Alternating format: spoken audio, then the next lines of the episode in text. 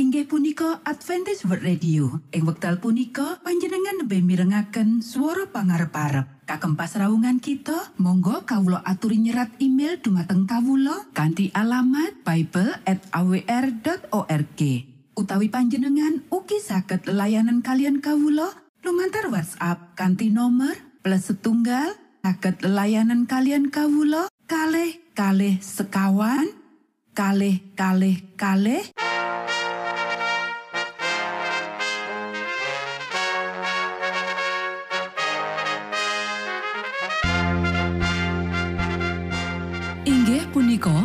Adventist World Radio ingkang giaran kanti basa Jawi. Tentrem Rahayu kula aturaken kagem para mitra kinasih ing pundi papan lan panggonan. Sugeng pepanggian malih kalian Adventist World Radio. Kanti bingahing manah Kulo badi sesarengan kalian poro mitra kinasi. Lumantar saperangan adicara ingkang sampun rinonci. Mligi kagem panjenengan sami. Mugi giaran punika saged migunani tuwin dados berkah kagem kita sedoyo. Sugeng midhangetaken Gusti amberkahi.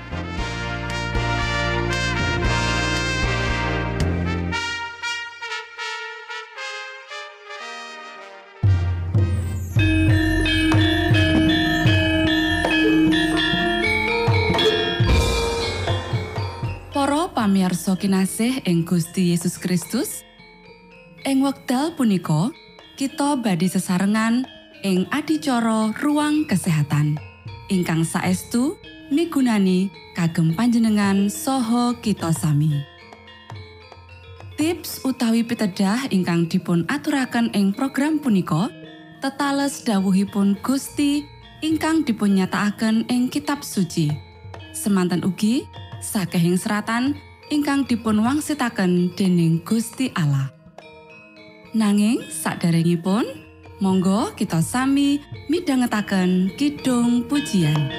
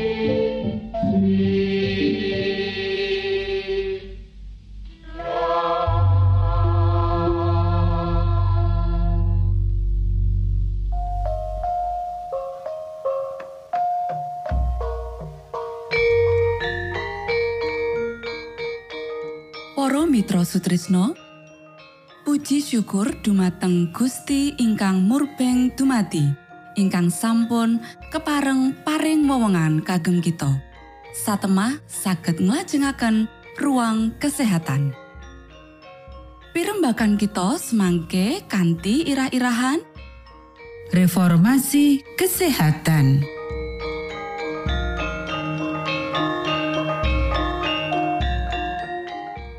dumateng para pamiarsa ingkang dahat kinurmatan sugeng pebanggian malih kalian kula Isti Kurnaidi ing adicara ruang kesehatan. Ing dinten punika ganti irah-irahan reformasi kesehatan. Para sedherek ingkang kinasih Uto dicampur karo greget moral kanggo nyingkur kasenengan kanggo ngangkat salib kang tegese dhisikake kewajiban kanggo ninggalake kasenengan lan karep alami. Akeh kang salah njlentrehake reformasi kesehatan lan wis nampa pikiran-pikiran sesat babagan opo kang mujudake urip kang bener. Dalan alam ya iku dalan kang diparingi tondo Allah lan iku cukup ombo kanggo sakabehe wong Kristen. Para reformator kesehatan ing sandure sakabehe bab liyane kudu ngati-hati supaya ora kebajutan. Kabeh diwatesi dening kewajiban paling suci marang Gusti Allah kanggo nuhoni filosofi kang bener lan pengalaman sayekti kang saiki diwenehake kanggo netepi marang reformasi kesehatan. Gusti Allah supaya punjere reformasi kesehatan digerakake lan pikiran wong akeh dirangsang kanggo neliti. Ojo nampa pikiran-pikiran monco lan gawe sawening ujian ngritik wong liya kang pakulinane ora manut karo panemumu. Tetep sinaoni permasalahane kanthi ombo lan jero. Kurangi kemantepan ing babakan prinsip reformasi kesehatan, yaiku pitutuh bener saka watak lan kasantosan rohanine dheweke. Rikala kita nampa reformasi kesehatan, kita kudu ngetrapake saka pangerten tugas dudu karena wong liya wis ngetrapake. Para sedherek ingkang kinasih jroning nganyarake kita luwih becik ngurangi sak langkah katimbang kakean sak langkah.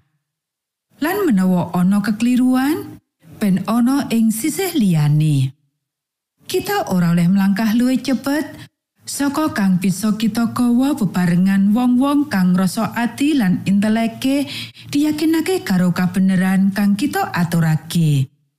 Ananging kita kudu ngati-hati banget supaya ora maju kecepeten. Menawa ora, kita kudu neliti maneh langkah kita.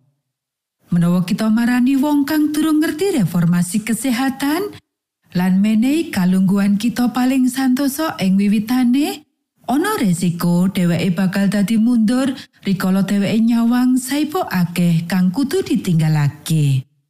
Satemah dheweke ora budidaya kanggo ngowahi. Kita kudu nuntun wong-wong kanthi sabar lan alon-alon ngelingi sakabeng jugangan kang kita duduk. Kafutan kang gede ing reformasi kesehatan ya iku menawa wong-wong iki ora ngurepake. Rasa salah ana ing kita dadi sawening umat kang duweni akeh pepadang.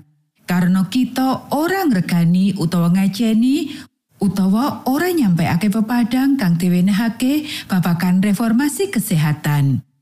Iki dudu masalah kang bisa dianggap remeh kang diaturake karo keguyon. Para sedherek ingkang kinasih, pakarian kang wiwit kita mangerteni kanthi luwih becik iki, pepadang kang diwenehake mataun-taun kepungkur menawa prinsip reformasi kesehatan bakal dadi sawene ajaan kanggo ngetutake kang dieloni dening pengaruh keagamaan ngaturake ngendikane yo kanan.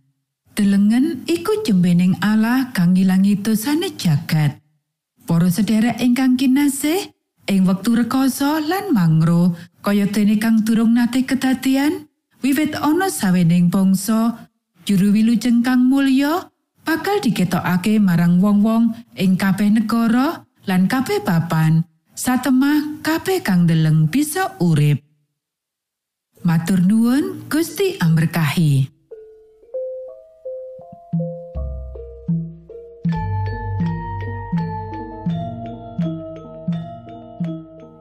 Cekap semanten pimbakan ruang kesehatan ing episode dinten punika. Ugi sampun kuatos jalaran kita badhe pinanggih malih ing episode sak lajengipun.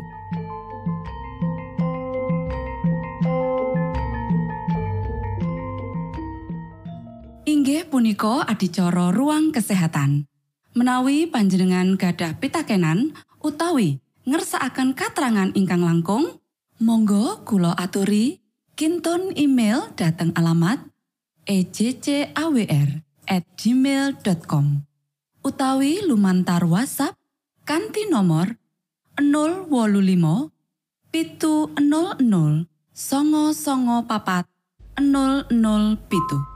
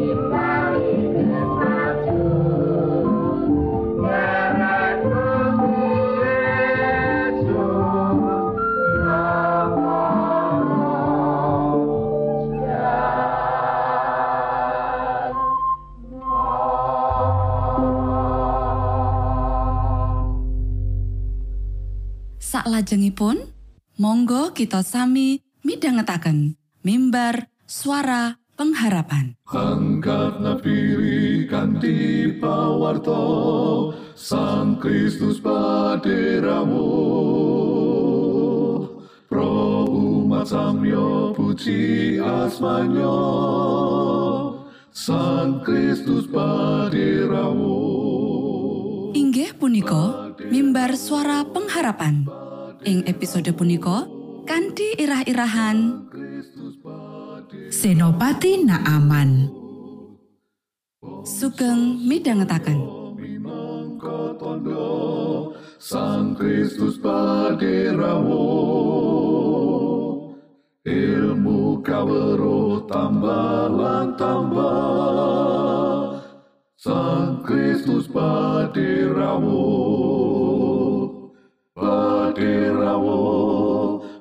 paderamu Sang Kristus paderamu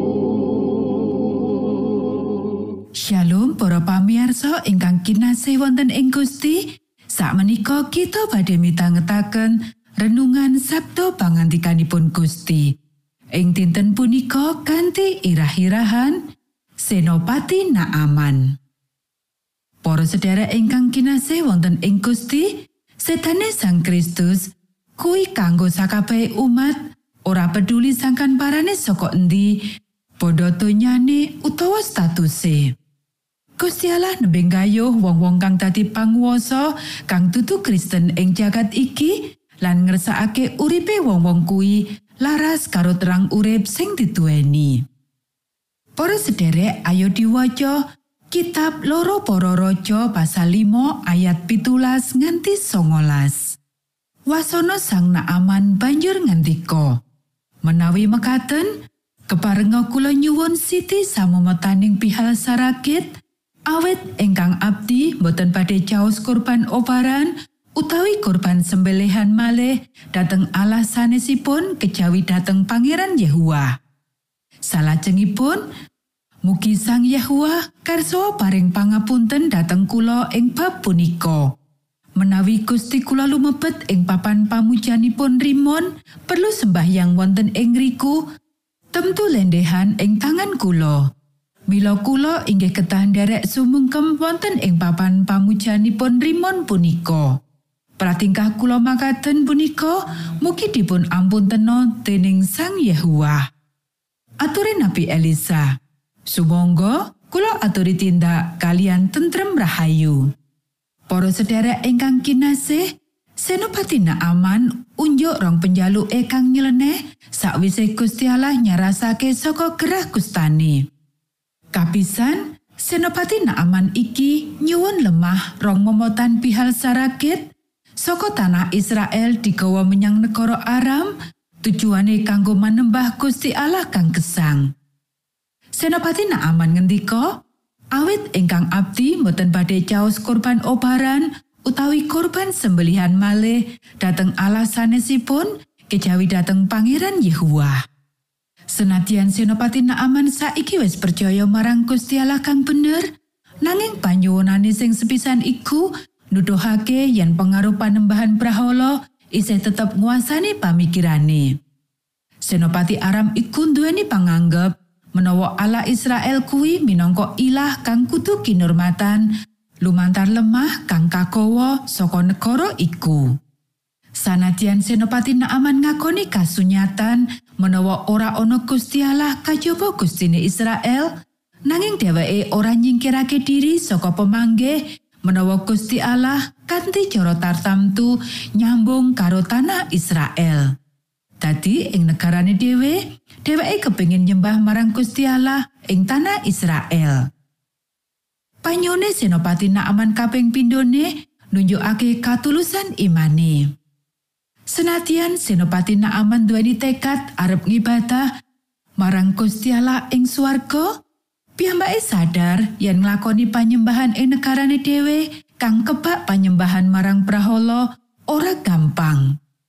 Ing sisih liyane, Sang Prabu Aram tetep manembah marang Dewa Rimon. Lan ing kono Senopati Naaman isih dadi pengawali Sang Prabu.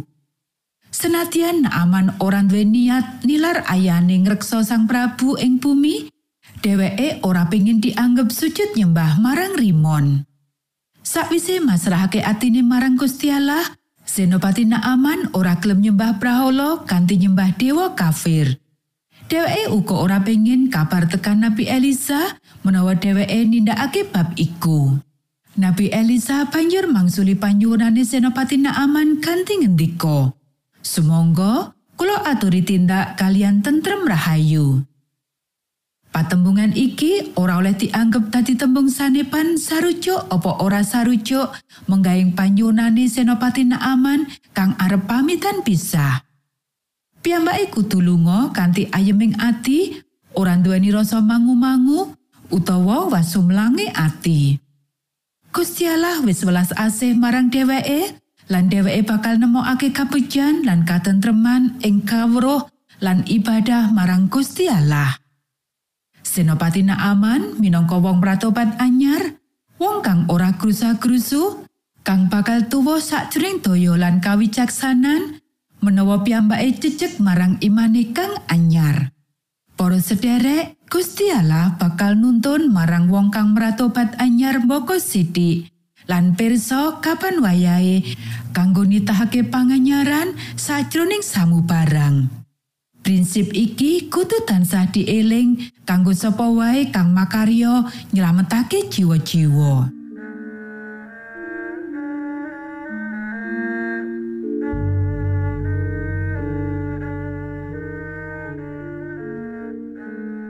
Mitra Sutrisno pamiarsa kinasih ing Gusti Yesus Kristus. Sampun paripurno pasamuan kita ing dinten punika. Menawi panjenengan gadah pitakenan utawi ngersaakan seri pelajaran Alkitab suara nubuatan Monggo Kulo aturi kinton email dateng alamat ejcawr at gmail.com utawi lumantar WhatsApp kanti nomor 025 pitu 00 songo songo papat 00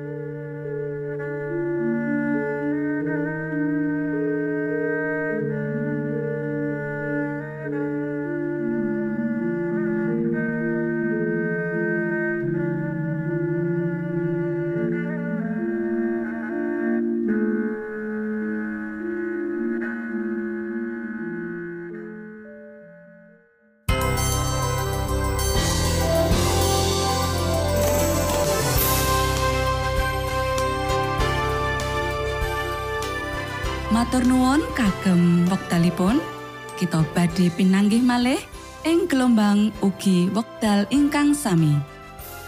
Saking studio kula ngaturaken tentrem rahayu. Gusti amberkahi kita sedaya.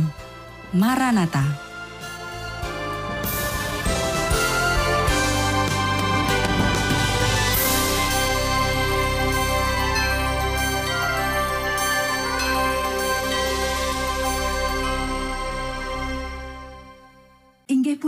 Adventist World Radio. Ing wekdal punika panjenengan lebih mirengaken swara pangarep-arep. Kagem pasraungan kita, monggo kawula aturi nyerat email dumateng kawula kanthi alamat bible@awr.org. Utawi panjenengan ugi saged layanan kalian kawula lumantar WhatsApp kanthi nomor plus setunggal saged layanan kalian kawula kalih kalih sekawan kalih kalih kalih